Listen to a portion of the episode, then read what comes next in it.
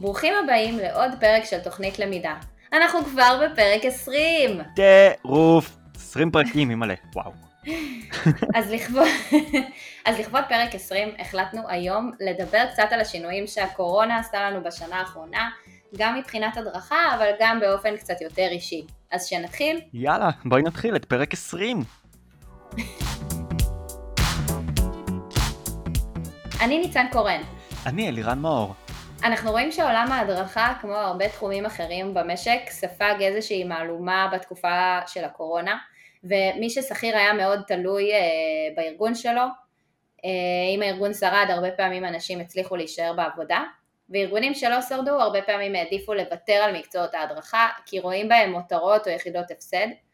אה, מדריכים למשל מאוד נפגעו מהמצב הזה, במיוחד אם הם עובדים באופן פרונטלי, כי הם הרבה פעמים יצאו לחל"ת או יותר גרוע פוטרו. המצב הזה גרם לכל מיני אלמנטים בהדרכה לעבור טרנספורמציה רצינית ולהציב אנשים במצב ממש מלחיץ שבו הם מרגישים שהם צריכים להוכיח את עצמם וגם זה לא תמיד עזר להם. זהו, גם, גם אפשר לדבר טיפה על עצמאים. אני למשל נכנסתי כמנהל הדרכה בארגון שאני עובד בו ממש בדצמבר האחרון, ממש לפני הקורונה. ולפני זה, כולם יודעים, אני הייתי עצמאי.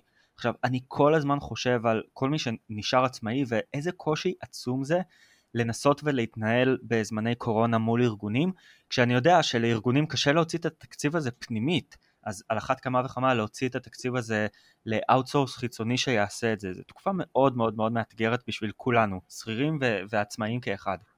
לגמרי, ואני חושבת ש... יחסית למקצועות אחרים, לפחות אה, הנקודה החיובית שאנחנו יכולים להסתכל עליה, זה שהרבה אנשי הדרכה קצת יכלו לנצל את המצב הזה, לעשות שינויים מעניינים במחלקות שלהם.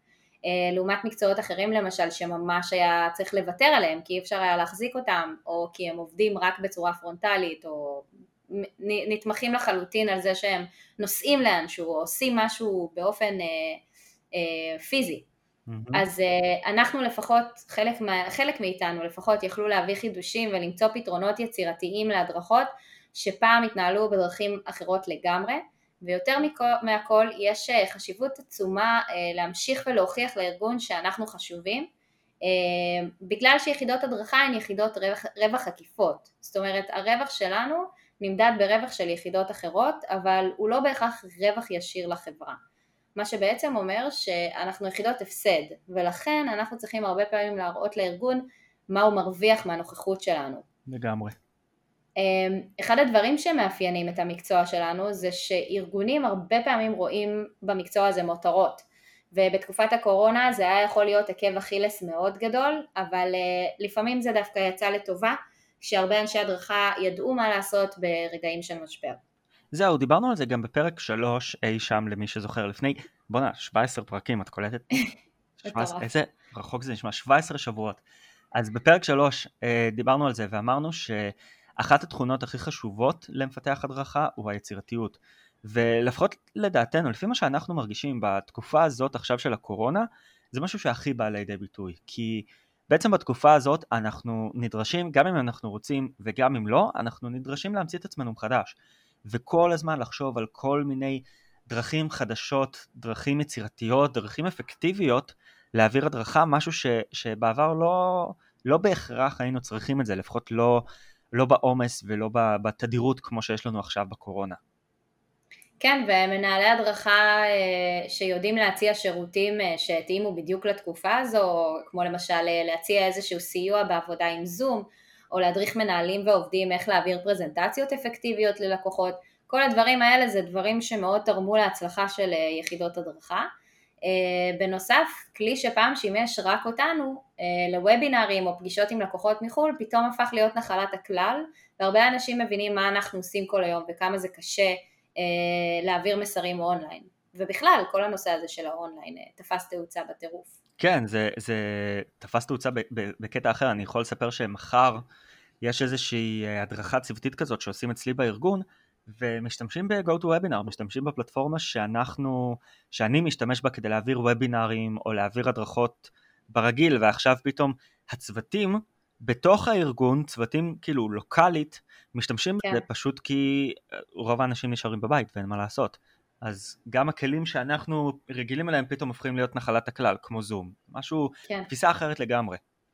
לגמרי, ממש. גם, כאילו, אם כבר התחלתי לדבר על העבודה שלי, אז גם uh, בהמשך לזה, לפני הקורונה, כל ההדרכות שלנו גם היו בצורה פרונטלית בלי קשר. אני יכול לספר שאצלי הבאנו את הלקוחות למשרד, ממש שיהיו אצלנו בקורס פרונטלי של כמה ימים שילמדו על המערכת, ובסוף 2019, תחילת 2020, אה, התחלתי תהליך של הטמעת מערכת LMS אצלנו, ואז התחלתי לייצר הרבה הרבה מודולות של למידה עצמית, וככה בעצם זה ביטל את הקורס הפרונטלי, כי אז הלקוחות יכלו ללמוד הכל בזמן שלהם, וכאילו לבד בעצמם, וזה למעשה מה שהביא את הערך ללמידה בתוך כל התקופה הזאת של הקורונה.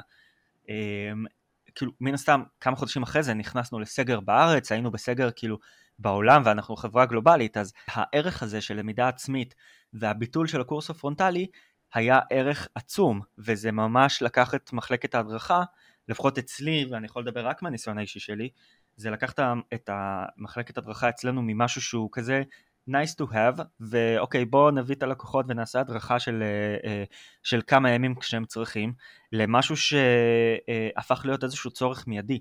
שעכשיו אי אפשר לשנע אנשים ולהזיז ולעשות דברים ועדיין אנחנו חייבים להישאר ב-KPI, עדיין אנחנו חייבים לספק את הצורך הזה שתמיד קיים של ההדרכות והעברת ידע. אז בכלל זה תהליך, אה, תהליך מעניין, תהליך שאני גם מקווה שקורה בצורה טבעית בעוד, אה, בעוד ארגונים.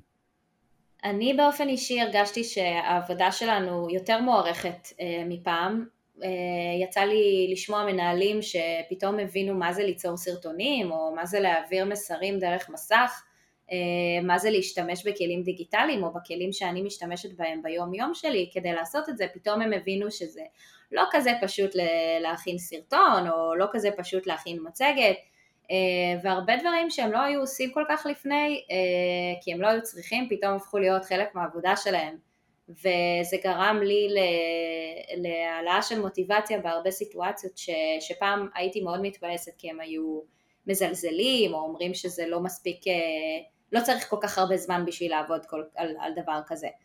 אה, אבל לצערי גם אה, ראינו כמה אנשים אחרים לא מוערכים בכלל ומאבדים את העבודה שלהם שוב, בגלל הסיבות האלה של אה, שההדרכה נתפסת כמותרות והרבה פעמים מאוד מאוד קשה להוכיח כמה זה חשוב שתהיה הדרכה ארגונית ולצערי הרבה פעמים הקיצוץ מתחיל דווקא במקומות האלה. זהו, אני, אני, אני מה זה מסכים, הלמידה באופן כללי הפכה להיות איזשהו סוג של אה, מקום מפלט להרבה אנשים והם חיפשו כל מיני דרכים ללמוד דברים חדשים, אולי כדי למצוא איזשהו מקצוע חדש או תחום חדש או להחליף את המקצוע אה, הקיים עבורם. הרבה אנשים גם נוספו לקהילה בתקופה הזאת, אני לפחות הרגשתי הרבה מאוד ערנות לצריכה של תכנים ולמידה של כל מיני תוכנות שמשמשות מפתחי הדרכה. מה גם שהרבה אנשים התחילו להרגיש את הצורך במפתחי הדרכה שיסייעו להם בבניית תכנים חדשים כדי להכשיר את העובדים שלהם ולהתנהל בכלל בכל המצב המשתנה הזה. מעבר לכל זה, אה, היינו צריכים לבצע שינויים מהירים וגם להתאים את קצב העבודה הזה לחוסר היכולת לעבוד מהמשרד או לתפקד בבית כשלהרבה מהאנשים גם יש ילדים בתמונה. זה ממש ממש לא קל, אה, זה מעמיס לחץ על הורים וגם על הילדים שלהם, שאין איפה לפרוק אנרגיה, אי אפשר לצאת לשחק עם חברים, אני גם מרגישה את זה אני לא אימא, אבל אני רואה, יש לי הרבה חברות ו- וקולגות ש- שיש להם ילדים, ואני רואה כמה הדבר הזה משפיע עליהם וכמה זה קשה להם אה, להפריד בעצם את העבודה מהבית. Mm-hmm. ו- ו- ואני חושבת שבגלל זה אה, בתקופה הזאת אה, אנשים נהיו הרבה יותר אמפתיים. זה גם נושא שעלה המון בכנס ההדרכה של HIT, שצריך בעצם להיות יותר מודע לסביבה ולעזור לאנשים להתמודד עם המצב הזה, גם בתור אנשי הדרכה אה, ובעיקר בתור מנהלים וראשי צוותים במחלקות. אה, חוץ מזה שאני יכולה להגיד שגם אה, בלי ילדים ובלי קשר, אני באופן אישי חוויתי מספר נקודות שבירה, שלא הייתי יכולה יותר לשבת, לבעוט במסך, או לא הייתה לי יותר מוטיבציה לעבוד, או לא היה לי חשק לעשות את מה שאני עושה, לא כי אני לא אוהבת את זה ולא כי אני לא נהנית מזה, כי פשוט, אה, מה לעשות, בחוץ יש מגפה ו, והמצב הזה מתסכל. אה, הרבה פעמים הייתה לי תחושה כזאת שאני מסתכלת על עצמי מבחוץ ו...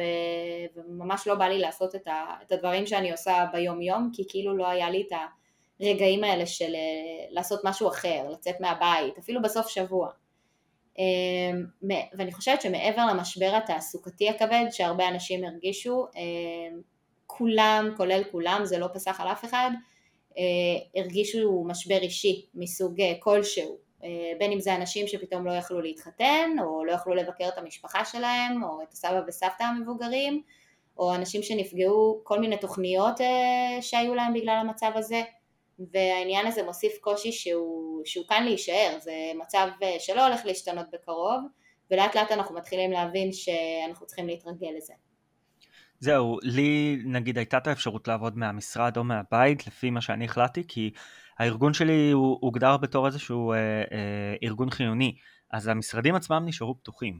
עכשיו אני יכול לספר מהחוויה האישית שלי, בסגר הראשון הייתי מאוד מאוד אפקטיבי בבית, כאילו עמדתי ביעדים שלי, עמדתי ב, ב, אה, במה שהייתי צריך להגיש, אה, וגם היה לי מאוד מאוד נוח לעבוד מהבית, כאילו הגעתי ממקום שהייתי עצמאי, אז העמדה שלי אה, בבית היא מאוד נוחה לעבודה, יש לי שולחן עם שני מסכים וגם כאילו בכללי תכלס, וניצה את יודעת, הכי נוח לעבוד בפיג'מה, כן. אבל בסגר השני, וזה גם משהו שאמרתי למנהלת שלי בדיוק השבוע, הרגשתי פחות אפקטיבי מהבית, כאילו מש, משהו השתנה כבר, איכשהו הרגשתי שעצם זה שאני בבית זה פחות עוזר לי לעמוד ביעדים שלי, אז החלטתי לחזור למשרד ובאמת כבר בשבועיים, שלושה נראה לי האחרונים, אני ארבע או חמש פעמים בשבוע עובד מהמשרד, כי בעצם כל הסגר הזה גרם לי הרבה יותר, גרם לי להיות מודע ליכולות שלי, גם מהבית, גם מהמשרד, וגם להיות מודע בכלל להספק שלי, להספק שאני צריך לדלבר החוצה, כי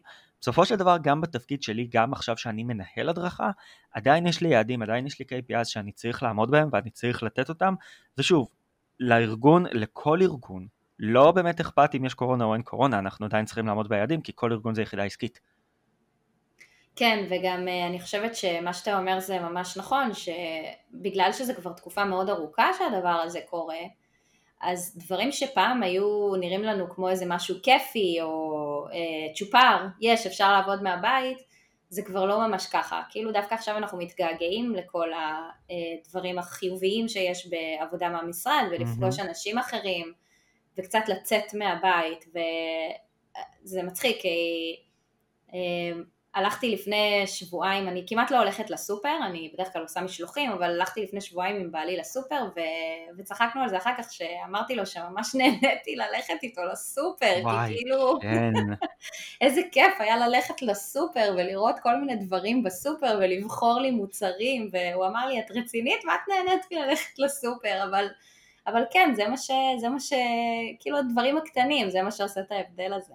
כן, יש לי את ה timeline הזה ב Google Maps, בטלפון, כאילו, כי יש לי את האנדרואיד, אז את יודעת, הוא רואה לאן אני הולך. וזה, כן. זה הכי מצחיק, כי, כי היו ימים שפשוט ראיתי שלא יצאתי מהבית. כאילו, לא היה לי שום דבר ב timeline הזה, כאילו, הטלפון שלי לא יצא מגבולות הבית, ואני לא יודע אם זה מצחיק או עצוב, אבל זה המצב. ובאמת, כן. גם, גם יציאה לסופר, זה היה איזשהו רענון כזה, שכאילו, מי, מי היה יכול לחשוב על הקונספט הזה לפני איזושהי, לפני שנה, עזבי, הנה.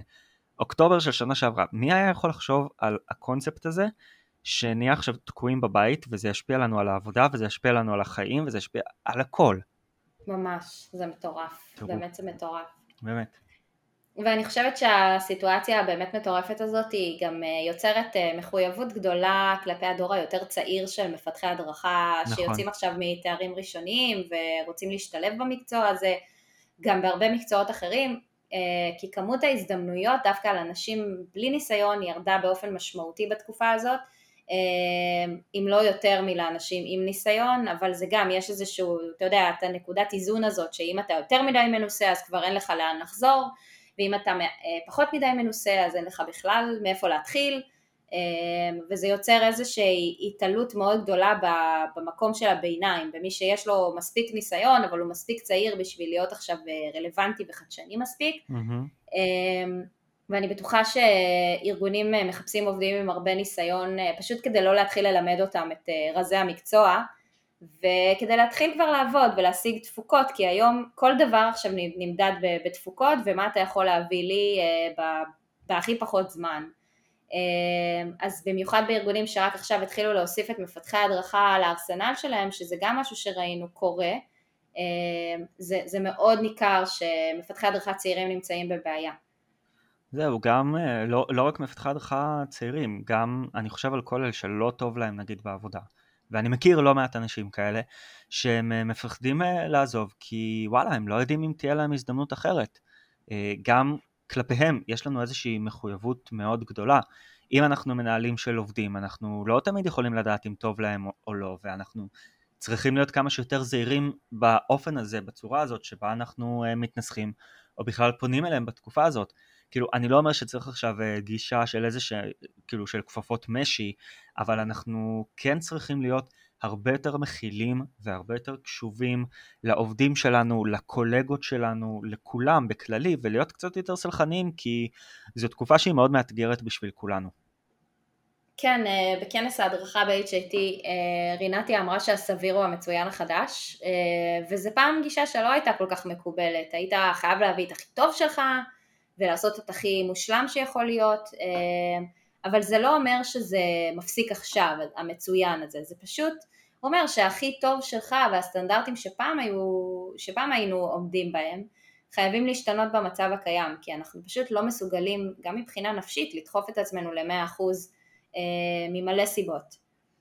אז אנחנו גם צריכים ללמוד לשחרר ולאפשר לעצמנו לשחרר, וקשה מאוד ליצור אה, באותה רמה בתקופה הלחוצה הזו, כמו כמו שקורה כמובן למפתחי הדרכה צעירים וגם לאלה שרוצים, אה, ש, שכבר תקופה חושבים על לעזוב ולהתפטר, אה, כי כולם נמצאים תחת לחץ נפשי מאוד גבוה ומנסים לשרוד סביב המצב הזה.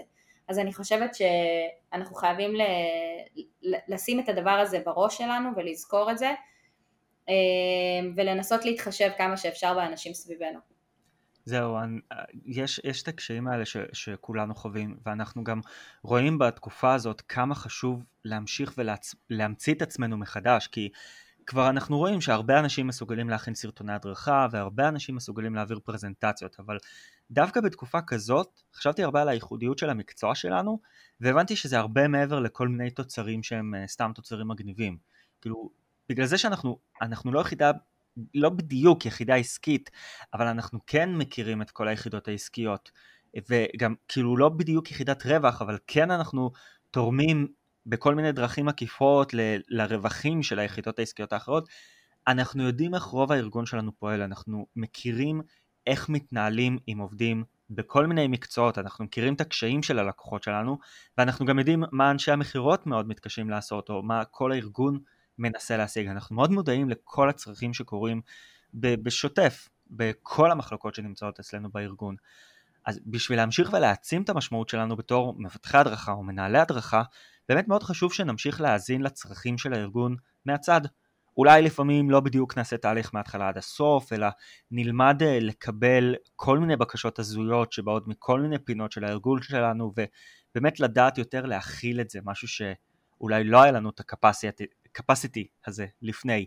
אמ, כן. אם אנחנו לא בדיוק הדרכה ארגונית, אלא אם אנחנו פונים יותר ללקוחות, אז אולי נסייע להדרכה הארגונית אם יש צורך, ואם אנחנו לא בדיוק הדרכת לקוחות, אז זה גם בסדר שיבקשו מאיתנו לעשות משהו אחר בגלל המצב. זאת אומרת, אנחנו צריכים מאוד להיות גמישים בתקופה הזאת, לא רק כדי להוכיח את הערך שלנו, אלא גם כי כולם כרגע נמצאים באיזשהו מצב, לא כרגע, כולם כבר תקופה ארוכה נמצאים בתוך הקושי הזה, וללמוד לצאת מהקושי הזה במסגרת ארגונית זה לא פשוט, כי אם הייתה איזושהי נוסחה שארגון יכול לצאת מהקורונה על ידי עשיית א', ב', ג', ד', אז אני מאמין שכבר, כאילו, היו מתפרסמים על זה מאמרים וארגונים היו עושים את זה, אבל וואלה, לכל הארגונים קשה עכשיו. אז בגלל זה מאוד מאוד חשוב שנדע להכיל את המצב, ונדע להיות ורסטיליים במובן הזה של לתרום איפה שאפשר, למי שאפשר, כמה שאפשר, מכל היכולות שלנו, לא במסגרת, לא בהכרח במסגרת מה שעשינו בעבר, אלא במסגרת מה שאנחנו יכולים לעשות עכשיו ולתרום למען כולם. כן.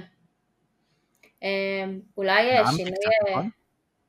היה לי עכשיו איזה נאום. היה לך רגע אה, שאני צריכה להעניק לך slow clap. נכון, כאילו גם אני, כאילו נכנסתי לזה עכשיו? תקשיבי, וואו, אני כאילו... כן, כן, אני... תביאו לי עכשיו את הפודיום ואני אגזור איזה סרט לעצמי על היכל על שמי, כי את יודעת, את מכירה אותי, ברגע שאני מתחיל לעוף על עצמי, אני פותח פה נמל תעופה על שם אלירן וטס. תנחת, תנחת. תנחת. אה, אולי איזשהו שינוי משמעותי נוסף שקרה בתקופה הזו זה שבאמת יש לנו עכשיו מראה לתוך כל מיני דברים שפעם לא רצינו להתמקד בהם או להסתכל עליהם. אה, ומה שזה גורם לי לחשוב זה, זה דווקא על האנשים שהם אה, קצת מרגישים לי כמו האחים שלנו למקצוע, שזה כל מי שעובד בתחום החינוך. ורציתי להגיד את זה, אני יודעת שזה לא הכי קשור לתחום הלמידה הארגונית ולא תמיד אנחנו מדברים על זה, אבל אה, באמת שמגיע כאן אה, כבוד לקבוצה הזאת של האנשים שספגו באמת מהלומה קשה שאין לתאר, אה, גם בבתי הספר, גם באוניברסיטאות, גם בחינוך הבלתי פורמלי, המון אנשים פוטרו ומחלקות שלמות נעלמו פשוט מה, מהאופק כי אין אפשרות להמשיך את הפעילות הזאת. אני מכירה באמת הרבה אנשים שעובדים בחינוך והם uh, נמצאים במצב בלתי אפשרי ובאמת שנים, שנים אני חושבת על זה ועכשיו זה עוד יותר נראה לי משמעותי שמוזר שאנחנו לא ממש מעורבים uh, במערכת החינוך בתור uh, מפתחי הדרכה. mm-hmm. תחשבו על זה, כמה היינו יכולים לעזור לכל המורים שנפגעו מהמצב, אה, לא אנחנו, אבל מפתחי הדרכה שעובדים בתוך אה, מערכת החינוך, כמה אה, אפשר היה להישען על מפתחי הדרכה, נגיד בקטע של אפילו לתפעל את הזום או להכין מצגת לשיעור, דברים פשוטים, אבל, אבל כן היה בזה צורך בתקופה הזאתי, ואנחנו לא ממש חושבים על זה, אבל אנחנו כן איזושהי קבוצה שיכולה מאוד להבין את מה שעובר על המורים, כי אין הרבה אנשים אה, כמונו שלא התמודדו מתישהו עם הצורך להעביר שיעור בזום או להעביר איזשהו וובינר במערכת אונליין אה, שפעם ראשונה אנחנו רואים. אז הרבה מאיתנו נדרשו לעבור מהפרונטלי לאונליין בפעם הראשונה וזה פשוט יכול להיות מאוד מאוד מתסכל. אז תחשבו מה קורה בתקופה הזו אה, למורה מול כיתה של ילדים. זה, זה קטע כי את, את מדברת נגיד על מערכת החינוך ואני חושב נגיד על האוניברסיטאות אני את התואר שלי עשיתי בפתוחה עכשיו הפתוחה זה מקום ש, שכאילו הם יודעים איך לעבוד אונליין ובאמת בואי נגיד 70-80% מהקורסים שעשיתי היו קורסים אונליין אז הם יודעים פחות או יותר איך להעביר את זה באונליין בצורה גם שהיא תהיה מעניינת ו... כן. אני זוכר גם כשהתחיל כל הקטע של הקורונה, זה באמת היה הפרסומת שלהם, שאנחנו עושים אה, מקוון מאז 1800, אה, 1970 ולא יודע, לא זוכר בדיוק מה זה היה.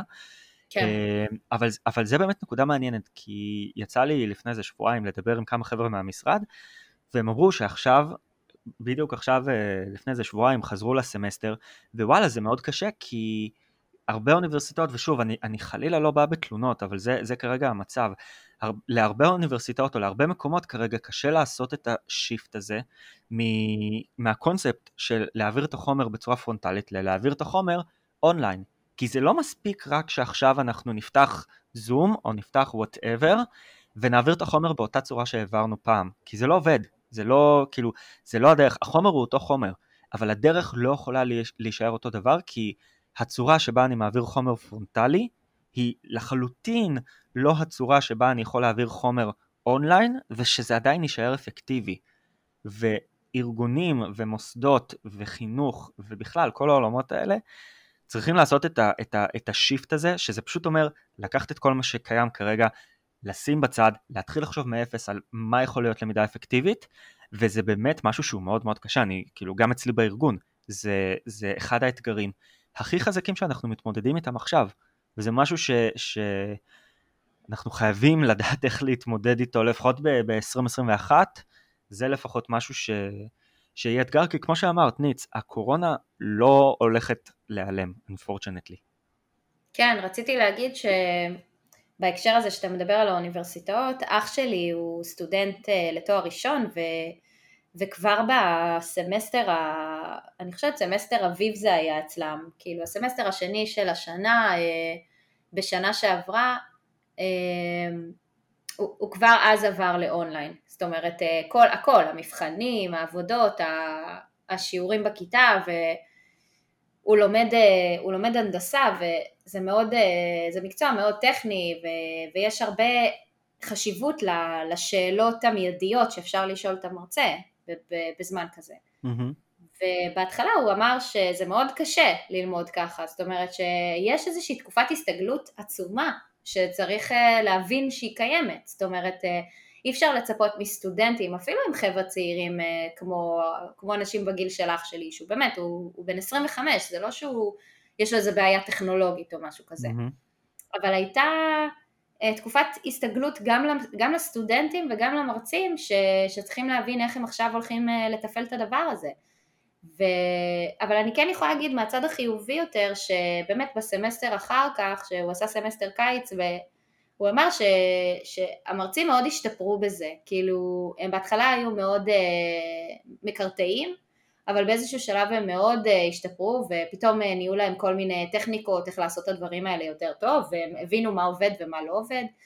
uh, ואני חושבת שזה היופי של, של העולמות האלה של ההדרכה והחינוך באמת היצירתיות מאוד עוזרת לנו אה, להמציא דברים מחדש ו- ולקחת אותם למקומות שלא חשבנו שיעבדו ולנסות משהו ו- ולראות איך זה עובד. ובאמת התקופה הזאת היא מאפשרת לנו קצת לפתוח את הראש לדברים שלא חשבנו שנעשה אותם אבל הנה עכשיו אנחנו עושים ו- ואפילו זה עובד בהרבה מהמקרים. זהו אז זה, אה, זה כיף, זה כיף שזה קורה. לגמרי, לגמרי, אני חושב גם, גם כאילו ביום שבאמת יהיה איזשהו חיסון לקורונה זה לא, זה עדיין לא יפתור את הכל, כי גם כשיהיה חיסון עדיין צריך להפיץ אותו בכל העולם ובלה בלה בלה. אבל בסופו של דבר, כאילו, דברים שדווקא עבדו בקורונה, הם דברים שיישארו איתנו, ואנחנו עדיין נצטרך להתאים את עצמנו לעולם הזה של הפוסט קורונה. אנחנו רואים בעיקרון שאותן היכולות שלנו כמפתחי הדרכה, כאילו היכולות החשובות לפחות, זה היכולת להתאים את עצמנו, זה היכולת לעשות את האדפטציה לכל הצרכים החדשים.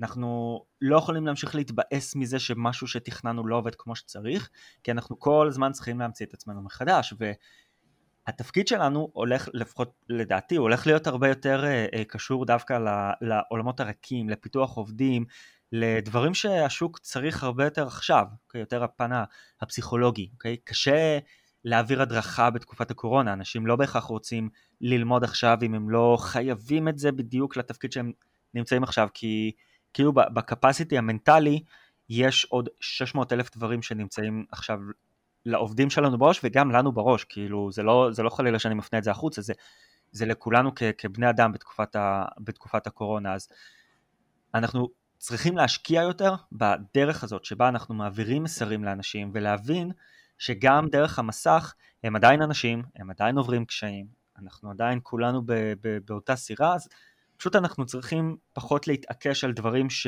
שבהכרח עבדו פעם כי הם עבדו פעם, ולהבין שהתקופה של פעם זה לא התקופה של עכשיו. כן, ויותר מכל זה, להמשיך לנסות לקבל דווקא את החבר'ה החדשים אה, למשרות הדרכה ולאפשר להם הזדמנויות להתפתח במקצוע, ואתם יודעים מה, גם אם לא לקבל אותם, אז, אה, אז אה, להציע להם אולי להתנדב או, או לעשות איזשהו פרויקט קצר או משהו כזה שיכול לתרום להם לניסיון. תנסו לחשוב בצורה יצירתית איך אתם יכולים אה, לעזור לאנשים האלה, כי זה הדור החדש וזה הדור שאנחנו לא רוצים שייפגע בצורה כזאת קיצונית מהמצב הזה. לגמרי. אז אה, בחלק האחרון של הפרק, בואי ננסה להסתכל קדימה, בואי נחשוב רגע מה אנחנו יכולים לעשות בתור אנשים אינדיבידואליים או בתור חברה כדי להתמודד עם זה, כדי להמשיך לייצר את הערך הזה במצב הקיים? אמ, אז הדבר הראשון שיש לי להגיד זה אם אתם מראיינים אנשים, אה, אני חושבת שזה פשוט איזשהו אה, מקום מאוד כואב שכולנו כולנו רואים אותו בדרך כזו או אחרת, גם אם לא אנחנו פוטרנו אז אנחנו לפח, לפחות מכירים מישהו שפוטר או, או מישהו קרוב אלינו שפוטר, אה, אז תזכרו כמה קשה להם עכשיו וכמה קשה הם עובדים כדי למצוא עבודה חדשה. אה, תקדישו כמה, אם אתם מראיינים, אז תקדישו כמה דקות מהזמן שלכם ותסבירו להם למה לא קיבלתם אותם לתפקיד. תסבירו להם מה הם יכולים לעשות כדי להשתפר. אה, אם מישהו שואל בפייסבוק איזושהי שאלה, תציעו לדבר בטלפון, תציעו טיפים מהניסיון שלכם. אנשים ילמדו המון מהניסיון והם רוצים לספוג את הידע שאתם אה, יכולים אה, לתת להם וגם אתם תרגישו ממש טוב עם זה שיכלתם לעזור למישהו, לא בשביל משהו אלא פשוט כדי לעזור.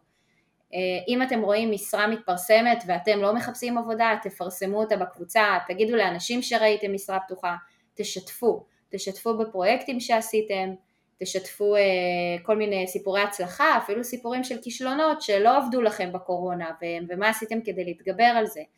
אה, אנחנו ממש נשמח לשמוע ולראות אותם ואני בטוחה שגם הרבה אנשים בקבוצה. אה, אם בא לכם תזמינו אנשים לוובינר או תעלו את החומרים אה, לקבוצה שאחרים יוכלו להשתמש בהם. זהו, ו- וככה בעצם גם הפודקאסט שלנו התחיל, ניץ, מתוך איזשהו מקום של, של עזרה, של נתינה, של כאילו להחזיר קצת ידע בחזרה. בסופו של דבר הקו המנחה שלנו בפודקאסט, וגם בכללי, כשאנחנו עונים למיילים שאתם שולחים אלינו, או סתם שאנחנו מדברים בוואטסאפ או בטלפון עם מי שמבקש, אנחנו יכולים להגיד בלב שלם, אנחנו לא עושים את זה כי אנחנו רוצים איזושהי האדרה או איזשהו פסל בגן העיר, ממש לא. אנחנו עושים את זה כי כולנו באותה סירה. הקורונה מקשה על כולנו, אז אנחנו מנסים לעזור כמה שאפשר ואיפה שאפשר ולמי שאפשר, כי למה לא? אוקיי? במילא קהילת ההדרכה בארץ היא קהילה מאוד מאוד קטנה, אז אנחנו רוצים לייצר את כל מעגלי התמיכה האלו אחד בשביל השני, וזה כאילו משפט שהוא קצת uh, קלישאה, אבל זה סוג של be the change you want to see, וכאילו דברים לא יניעו את עצמם, ואם אנחנו רוצים להתחיל לייצר ערך בשביל הקהילה, ואם אנחנו רוצים להתחיל לעזור למען הקהילה, אז זה כאילו, הפודקאסט הזה זה התרומה הקטנה של, של uh, ניצן ושלי, ואנחנו מאוד מקווים גם שמתוך זה ומתוך כל מה שאמרנו עכשיו, אנחנו מצליחים להעביר את הקשיים מצד אחד, וגם אנחנו מצליחים להעביר את הערך של העזרה הזאת מהצד השני. כן, ו- ואני רוצה להגיד שמעבר לעבודה שלנו ובאמת להתקדמות המקצועית, אה, בתקופה המאוד מאתגרת הזאת, בלשון המעטה, אה, חשוב מאוד לעשות משהו בשביל עצמכם, לעשות הפסקה, לקחת אה, קצת זמן לנשום, לצאת לעשות הליכה, ללכת לים, לפגוש חברים, אה, להפות, לשמוע פוד... הכי חשוב להפות. להפות, להפות, נכון. תודה. אה, לשמוע פודקאסט בנושא שמעניין אתכם ולא קשור לעבודה. למידה, נגיד תוכנית למידה, אבל דווקא התכוונתי למשהו שהוא לא קשור לעבודה. נכון, תוכנית למידה. תיקחו קצת זמן לעצמכם, אנחנו לפעמים אמיתים בחשיבות של הזמן שלנו ואנחנו רואים עכשיו שזה לא כזה פשוט להישאר על אוטומט כל הזמן. זה לא בריא, זה לא אפשרי, וזה מקשה עליכם מכל כך הרבה סיבות, אז, אה, אז תנו, give yourselves a break. אמ, גם, גם תכל'ס אני, אני כאילו ממשיך רק את הקו שלך, הכי חשוב, באמת, שמרו על עצמכם, תהיו בריאים, שים, תהיו בריאים, בואנה, אני נשמע כמו, כמו סבתא שלי עכשיו, תהיו בריאים. אה, שימו מסכה, זה לא צחוק, שימו מסכה, שטפו ידיים, תעשו את כל הדברים האלה. אה, אם אתם חושבים לעבור על ההנחיות, כאילו לשבור את ההנחיות, אז תחשבו שוב, תנו דוגמה לאחרים, עזבו מה קורה שם למעלה, אנחנו לעולם לא ניכנס לפוליטיקה, אבל be the change you want to see, זה לא משנה מה אתם רואים מסביב, תשמשו אתם כדוגמה לעצמכם, כדוגמה לאחרים, תהיו אתם בסדר, אה, וגם בכללי, אה, בערב, סיימתם את העבודה, תראו משהו אחר, אל תפתחו חדשות, אוקיי? במילא הכל שם חרא. תראו איזה משהו מצחיק, איזה משהו אופטימי, תזכרו שאתם חשובים בארגון שלכם, אתם חשובים במקצוע שלכם, אתם חשובים לכל האנשים סביבכם. כן, המקצוע שלנו הוא מקצוע כיפי, באמת, לא סתם ניצן ואני נמצאים בתחום הזה כבר כל כך הרבה שנים. יש לנו את הזכות כל יום ללמוד משהו חדש, וזה כיף, זה דינמי, וזה בעצם מה שהופך את, ה, את הלמידה או את התהליך או את העבודה שלנו למשהו שהוא חדש ומרענן. אז תזכרו, יהיה בסדר, וזה בסדר גם להרגיש לפעמים כאילו לא כל כך בסדר עכשיו. זה המצב, ואנחנו נלמד לעבור אותו. כן, אה, ורצינו להגיד שלכבוד פרק 20, אה, פרק 20? אין, אני לא, אני לא נרגע מזה. ממש. פרק 20, וואו! אה, אנחנו ממש נהנים להקליט בשבילכם את הפודקאסט הזה, גם אם הוא לא מצוין, אלא רק סביר, זה גם בסדר. אז גם... רק סביר. אני רק אומרת רפרנס למה שרינתיה אמרה. שממש אהבתי את המשפט הזה, זה משפט ממש אה, רלוונטי לתקופה. זה הקעקוע הבא שלך, תגידי. נכון. לא סביר, רינתיה. אז גם אם ההקלטה היא לא באיכות הכי טובה, אנחנו נהנים מהשיחה, ואנחנו נהנים לקבל את התגובות שלכם אחר כך, ואנחנו מאוד נהנים מזה שיש לנו זכות להעביר את מה שאנחנו יודעים הלאה. אז תודה כל כך שאתם מקשיבים לנו. Uh, הפרק הזה אין חומר טוב, כי פשוט דיברנו איתכם קצת על דברים שכולנו עוברים, ונתראה בפרק הבא. יאללה, נתראה בפרק הבא. יאללה ביי. יאללה ביי.